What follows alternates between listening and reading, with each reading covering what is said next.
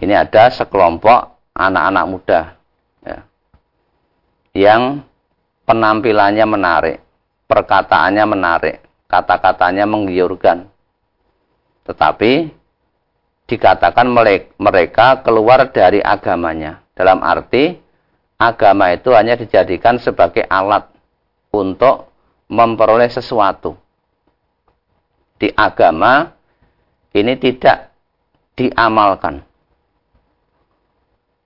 Ayat-ayat Al-Quran hanya sebagai bacaan-bacaan. Tetapi tidak melebihi sampai kerongkongan. Maksudnya tidak sampai masuk ke dalam hati.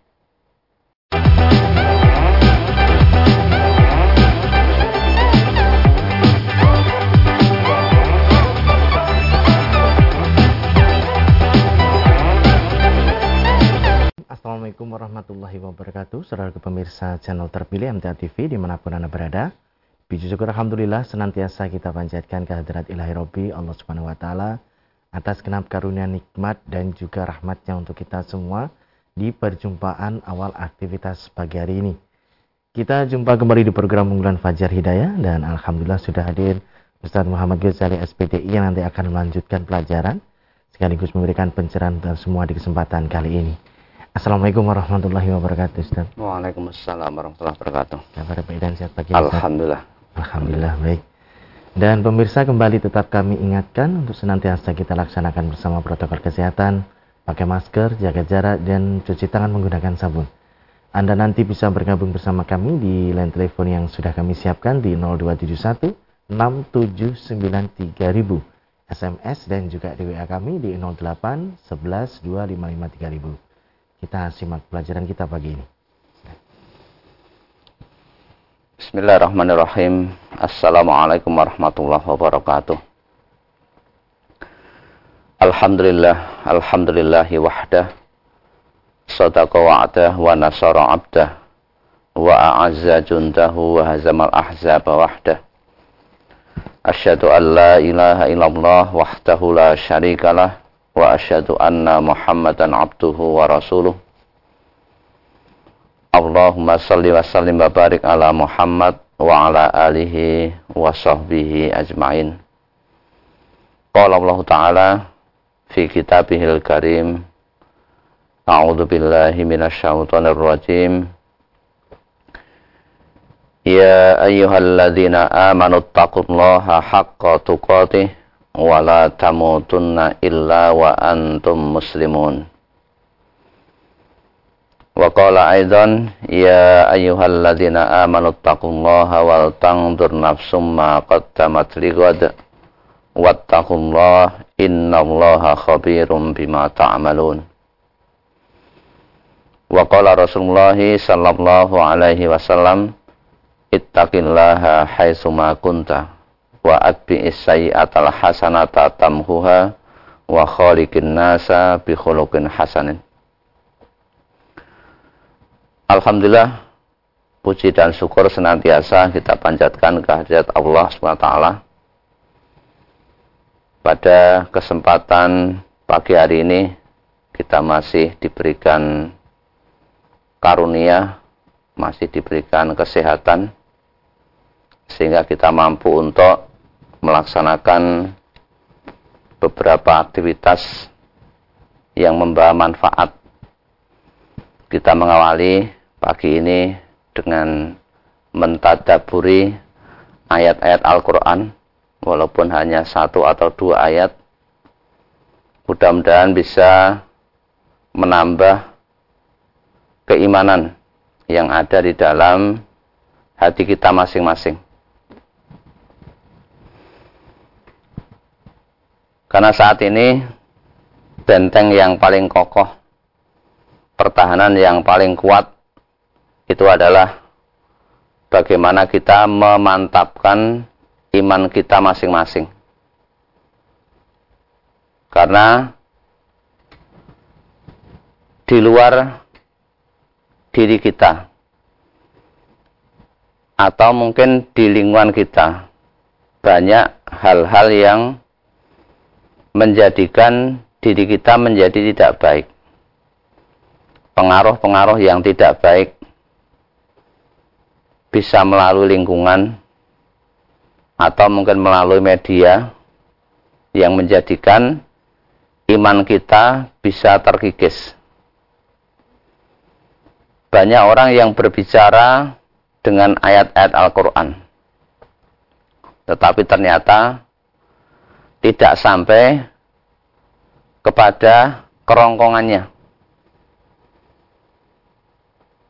Maka Nabi kita pernah menyampaikan tentang kejadian di akhir zaman yang diriwayatkan oleh Imam Al-Bukhari juz 8 halaman 52 Qala Aliyun radhiyallahu an Iza haddatsukum an Rasulillahi sallallahu alaihi wasallam hadisan. Fa wallahi la an akhirra minas samai ahabbu ilayya min an akziba alaihi. Wa iza haddatsukum fima baini wa bainakum fa innal harba khata'atun wa inni sami'tu Rasulullah sallallahu alaihi wasallam yaqul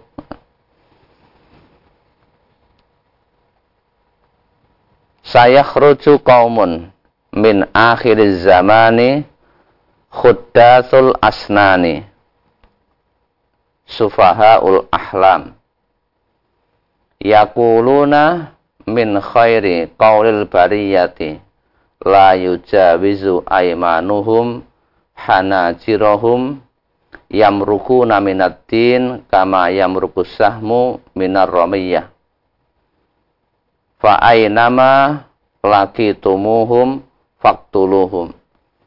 Fa inna fi qatlihim ajran liman qatalahum yaumal qiyamah. Dari Ali radhiyallahu anhu berkata apabila aku menceritakan suatu hadis dari Rasulullah sallallahu alaihi wasallam maka demi Allah lebih baik aku terjatuh dari langit daripada aku berdusta atas namanya. Ini untuk meyakinkan bahwa perkataan ini betul-betul dari Rasulullah sallallahu alaihi wasallam, bukan karangan Ali. Karena itu, apabila aku ceritakan kepada kalian sesuatu yang terjadi di antara aku dan kalian. Karena sesungguhnya perang adalah tipu daya. Dan sesungguhnya aku mendengar Rasulullah Sallallahu Alaihi Wasallam bersabda. Nah, ini sabda Rasulullah bahwa ada suatu kejadian yaitu apa? Di akhir zaman nanti akan muncul suatu kaum yang umur mereka masih muda. Hudasul asnan. Jadi ada orang yang masih muda. Dan akal mereka pun masih bodoh. Mereka mengatakan yang kelihatannya dari sebaik-baik perkataan manusia. Namun untuk tujuan yang jahat. Iman mereka tidak sampai melewati kerongkongan. Ini ada sekelompok anak-anak muda. Di akhir zaman nanti apakah sekarang terjadi? Ya kita saksikan apa yang ada di sekitar kita. Banyak orang yang usianya masih muda. Mereka juga menyampaikan kata-kata yang baik. Kata-kata yang menarik. Tetapi untuk tujuan-tujuan yang jahat. Tujuan-tujuan yang tidak baik.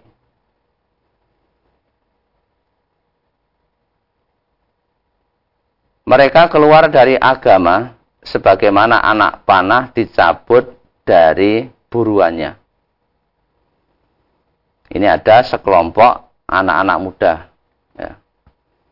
yang penampilannya menarik, perkataannya menarik, kata-katanya menggiurkan. Tetapi dikatakan mereka keluar dari agamanya. Dalam arti agama itu hanya dijadikan sebagai alat untuk memperoleh sesuatu. Di agama ini tidak diamalkan. Ayat-ayat Al-Quran hanya sebagai bacaan-bacaan.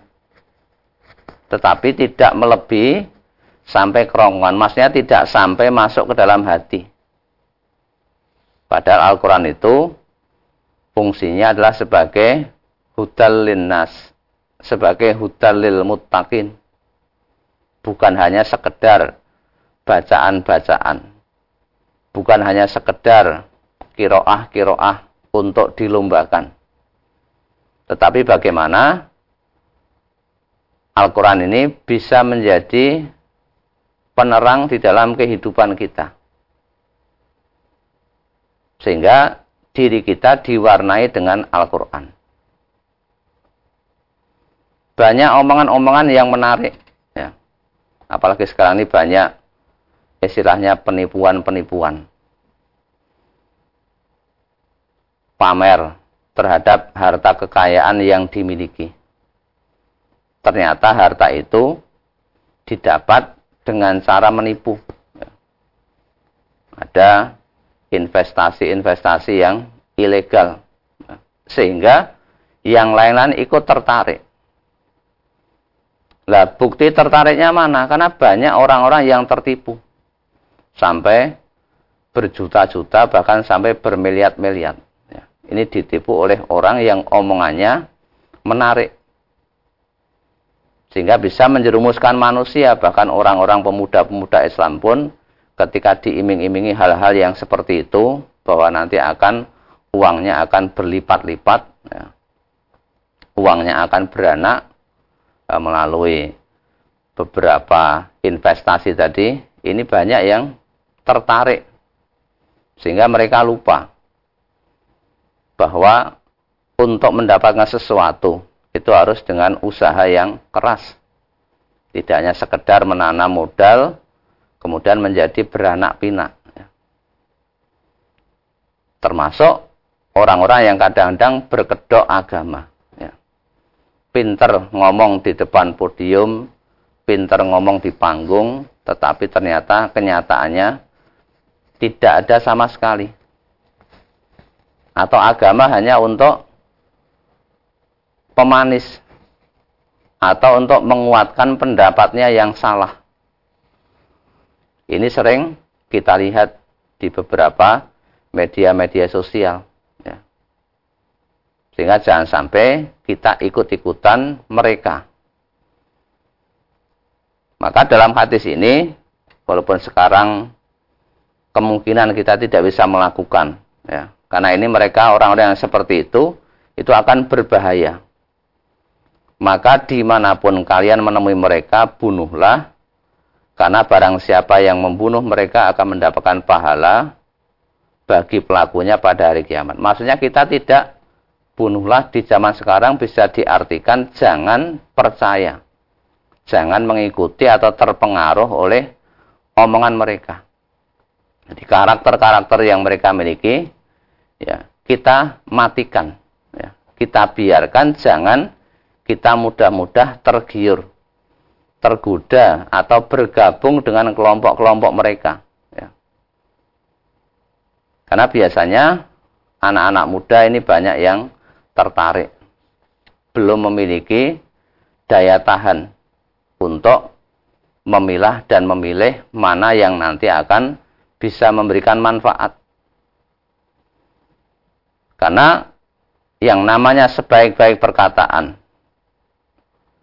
Nabi kita bersabda, fa inna ahsanal hadisi kitabullah. Sebaik-baik perkataan adalah kitab Allah. Apa yang ada di dalam Al-Quran itu termasuk perkataan yang paling baik wa khairul huda huda Muhammadin sallallahu alaihi wasallam. sebaik-baik petunjuk adalah petunjuk yang diberikan oleh Nabi Muhammad sallallahu alaihi wasallam. Ini harus kita yakini. Jangan sampai kita terperdaya, tertipu oleh orang-orang yang kelihatannya manis. Tetapi ternyata banyak kejahatan-kejahatan yang dilakukan.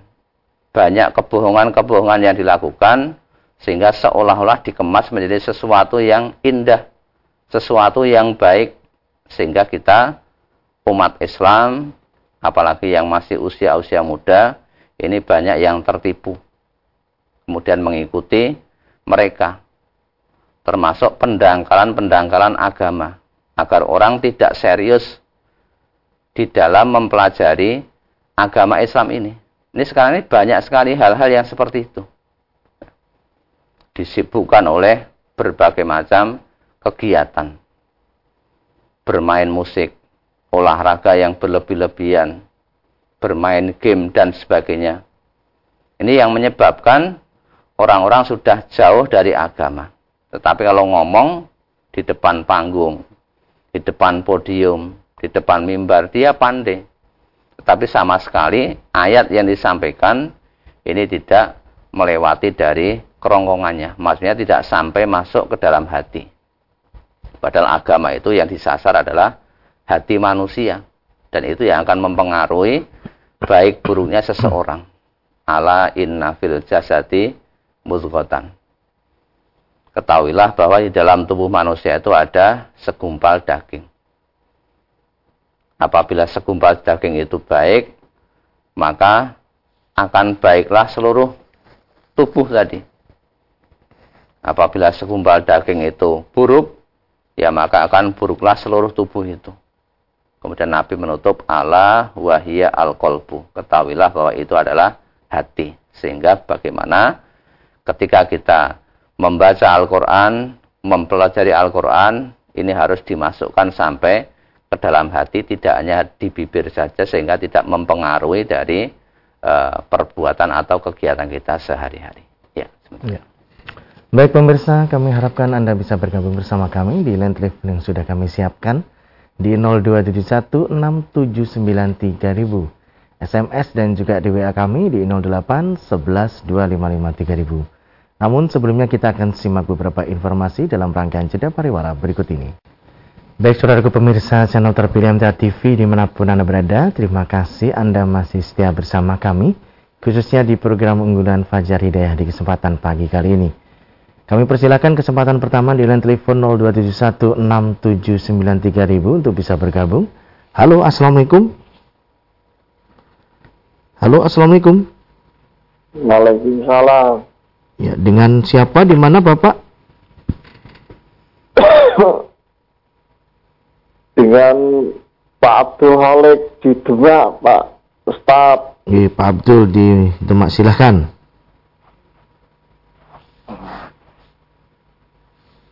Assalamualaikum Pak Ustaz. Waalaikumsalam warahmatullahi wabarakatuh. Silahkan Pak Abdul Khalik. Apa yang akan disampaikan? Ini saya mau tanya. Saya itu nggarap sawah. Sawah sistem maro Pak. Berapa zakat yang harus saya bayar? Yang kedua, ketika jadi imam, ketika baca sampai awal liman hamid baru di uh, mbak uh, apa ya lupa Ustaz. Gimana? Sampai awal Robbana walhamdu baca nggak Pak Ustaz? Ya. Ya, begitu ya. Ya, makasih Pak Ustaz. Ya. ya Assalamualaikum. Waalaikumsalam warahmatullahi wabarakatuh. Tentang zakat pertanian. Ya. Ketika kita menyewa suatu tanah, yang tanah itu atau sawah itu bukan bukan dari milik kita sendiri. Termasuk di beberapa daerah ada istilahnya maro atau sepertiga atau seperempat. Ya. Kita hanya sebagai penggarap, ya, bukan dari milik kita sendiri. Maka zakatnya ya sebagaimana diukur dengan zakat penghasilan, ya, dua setengah persen yang kita keluarkan. Ya. Karena kita sebagai penyewa, dalam arti itu ada usaha. Ya. Berbeda dengan kalau ladangnya uh, milik sendiri, itu akan beda lagi. Kemudian yang kedua, ketika menjadi seorang imam, pada saat iktidal atau bangkit dari rukuk, Kemudian imamnya tentunya menyampaikan atau bacaan dari etidah itu ada sami Allahu liman hamidah. Imamnya membaca itu. Apakah dia juga membaca Rabbana walakal hamdu? Iya. Ya. Imamnya juga membaca Rabbana lakal hamdu atau Rabbana walakal hamdu. Sementara si makmum ini tidak usah mengucapkan sami Allah liman hamidah. Kalau imam mengucapkan sami Allah liman hamidah, makmum cukup membaca Rabbana lakal hamdu atau Rabbana walakal hamdu. Kalau imam ya berarti ya kedua-duanya. Sami Allah liman hamidah imamnya juga membaca Rabbana walakal hamdu. Ya. Baik. Pertanyaan berikutnya dari WA dari Bapak oh dari hamba Allah yang ada di Tangerang. Menanyakan Ustadz mohon dijelaskan khalifah dengan khilafah demikian. Ya. Jadi Adam itu diutus ke bumi ini diciptakan oleh Allah ini sebagai khalifah. Wa iz qala rabbuka lil malaikati inni ja'ilun fil ardi khalifah. Dan ingatlah ketika Tuhanmu berfirman kepada para malaikat. Apa firman Allah? Inni ja'ilun fil ardi khalifah. Sesungguhnya aku hendak menjadikan seorang khalifah di muka bumi. Ya. Jadi khalifah itu artinya bisa jadi pemimpin atau sebagai penguasa atau bisa jadi sebagai pengganti. Tergantung konteks kalimatnya seperti apa. Atau pengelola juga bisa. Adam dijadikan oleh Allah untuk mengelola bumi dan juga anak turunnya Bani Adam. Kemudian khilafah itu adalah suatu sistem ya. sistem kepemimpinan dalam Islam secara umum. Sehingga di dalam pemerintahan tadi diberlakukan hukum-hukum Islam. Lah orang yang memimpin di situ namanya imam atau amirul mukminin atau khalifah. Ini terjadi setelah masa kenabian Nabi Muhammad sallallahu alaihi wasallam. Nabi jelas sebagai utusan Allah. Maka yang menggantikan Nabi disebut sebagai khalifah. Menggantikan kepemimpinan. Yang di situ kepemimpinan secara umum, ya, secara mendunia. Dalam Islam ada satu kepemimpinan yang dilaksanakan juga hukum-hukum Islam.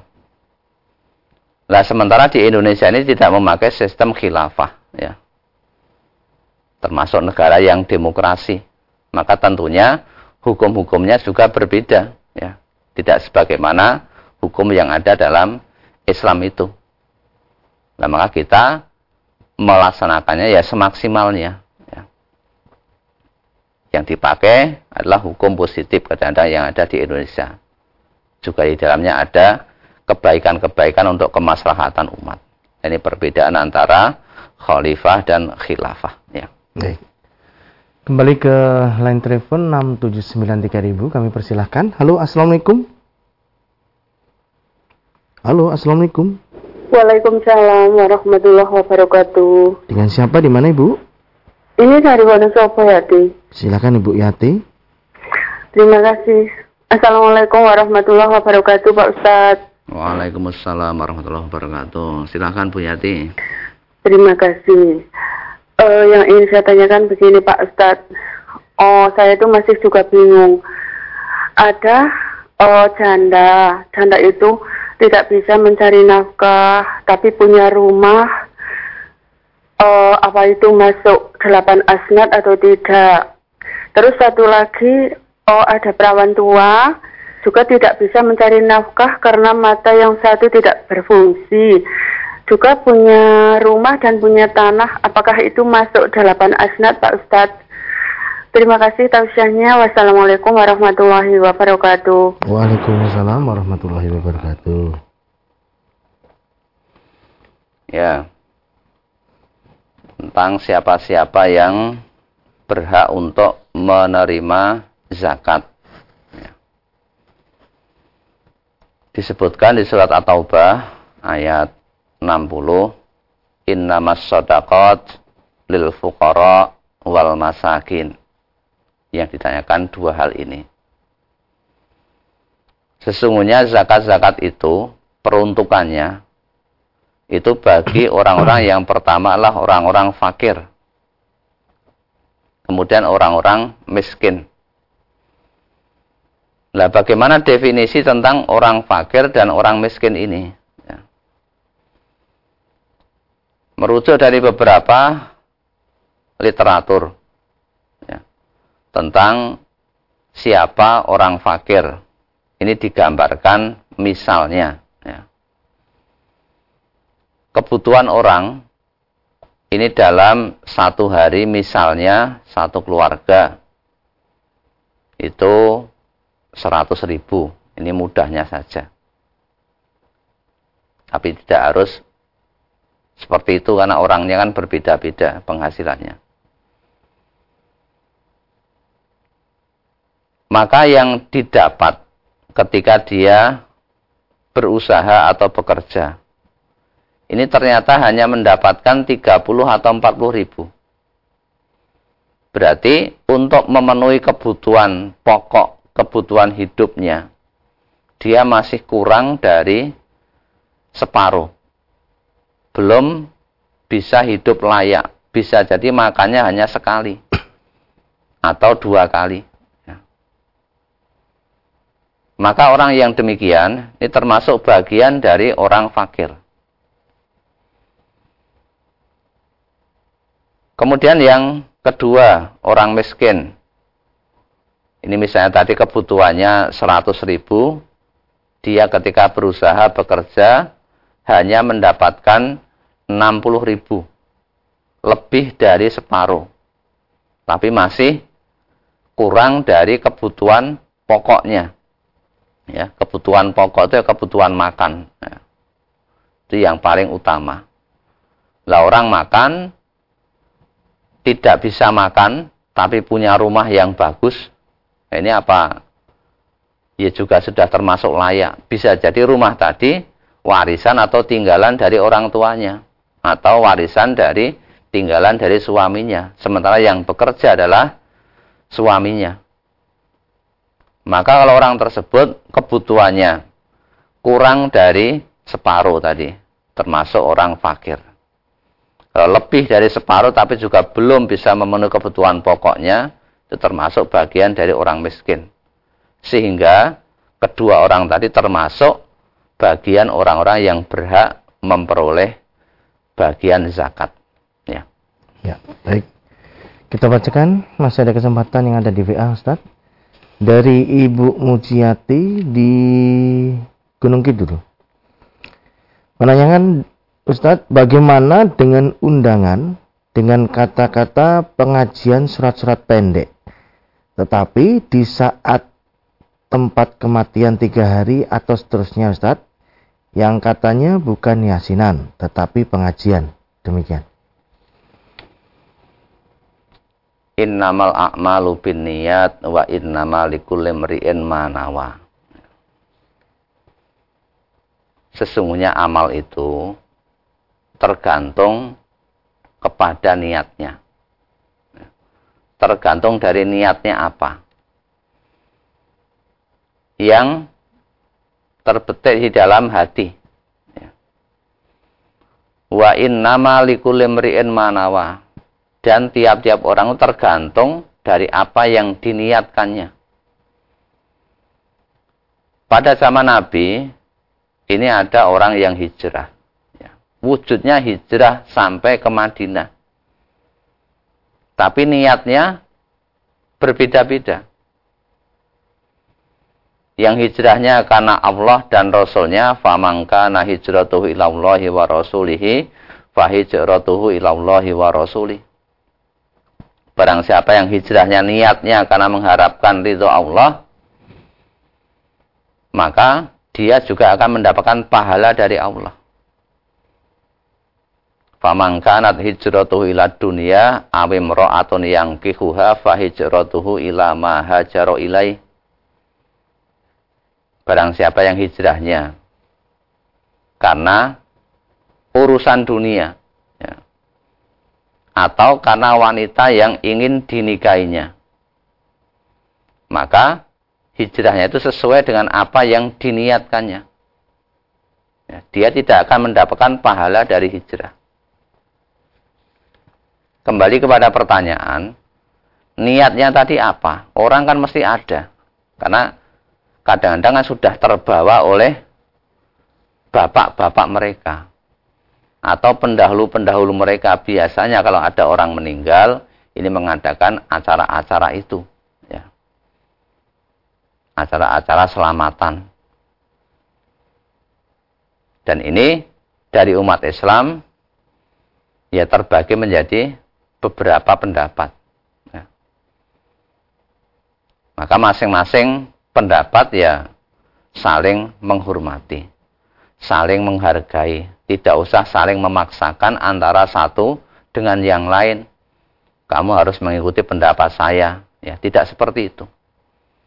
Misalnya kita diundang untuk menghadiri acara tadi selamatan mungkin yang dikemas dengan pengajian dan sebagainya kita tidak tahu niatnya apa. Kalau itu ragu-ragu ya sudah. Kita tinggalkan ya. Karena pengajiannya harus pure murni ya mengharapkan ridho Allah. Bukan karena sesuatu kejadian dan sebagainya. Kalau ragu-ragu dalam Islam oleh Nabi kita, kita di perintahkan tak mayari buka ilama layari buk. Tinggalkan. Apa yang meragukan, ambil yang pasti-pasti. Ambil yang tidak ragu. Nah, daripada kita ragu, tadi sudah ditinggalkan saja. Walaupun mungkin tadi wujudnya adalah pengajian. Nah, kadang-kadang kan ada juga doa bersama. Tapi di situ percampuran antar agama. Niatnya baik, doa bersama.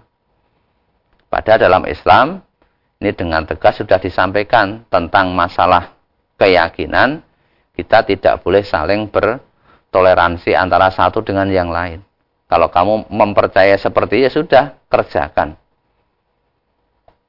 Saya tidak mempercayai seperti itu. Karena dalam Quran dijelaskan, lakum dinukum waliyatin.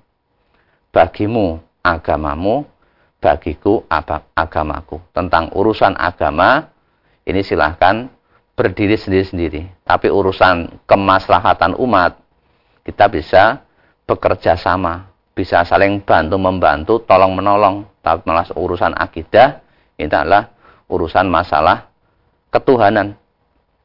Jadi kita tidak boleh saling berkompromi, karena Nabi sendiri juga pernah diajak kompromi. Untuk urusan masalah ibadah. Akhirnya turun surat Al-Kafirun itu supaya dikatakan dengan tegas kul ya ayyuhal kafirun katakan kepada orang-orang yang kafir itu la a'budu ma ta'budun. Aku tidak akan menyembah apa yang kamu sembah. Wala ana abidum ma abatum dan aku juga bukan penyembah tuh apa yang kamu sembah. Lalu ditutup dengan lakum dinukum waliyadin. Inilah indahnya toleransi di dalam kita beragama. Kalau dalam urusan agama ya sendiri-sendiri, tapi urusan masalah kebersamaan, kemasyarakatan, sosial kita bisa laksanakan bersama-sama. Ya. ya. Kami sampaikan terima kasih atas pelajaran dan tausiahnya di kesempatan ya. kali ini Ustaz. Assalamualaikum warahmatullahi wabarakatuh. Waalaikumsalam warahmatullahi wabarakatuh. Baik saudaraku pemirsa channel terpilih MTA TV di mana pun Anda berada Demikian tadi telah kita simak dan ikuti bersama program unggulan Fajar Hidayah di kesempatan pagi ini Kembali tetap kami ingatkan untuk senantiasa kita laksanakan bersama protokol kesehatan yakni pakai masker, jaga jarak, dan cuci tangan menggunakan sabun. Saya Tommy Al-Fatani pamit undur. Alhamdulillah di alamin. Subhanakallahumma wa bihamdika. Asyhadu an la ilaha illa anta astaghfiruka wa atubu. Assalamualaikum warahmatullahi wabarakatuh.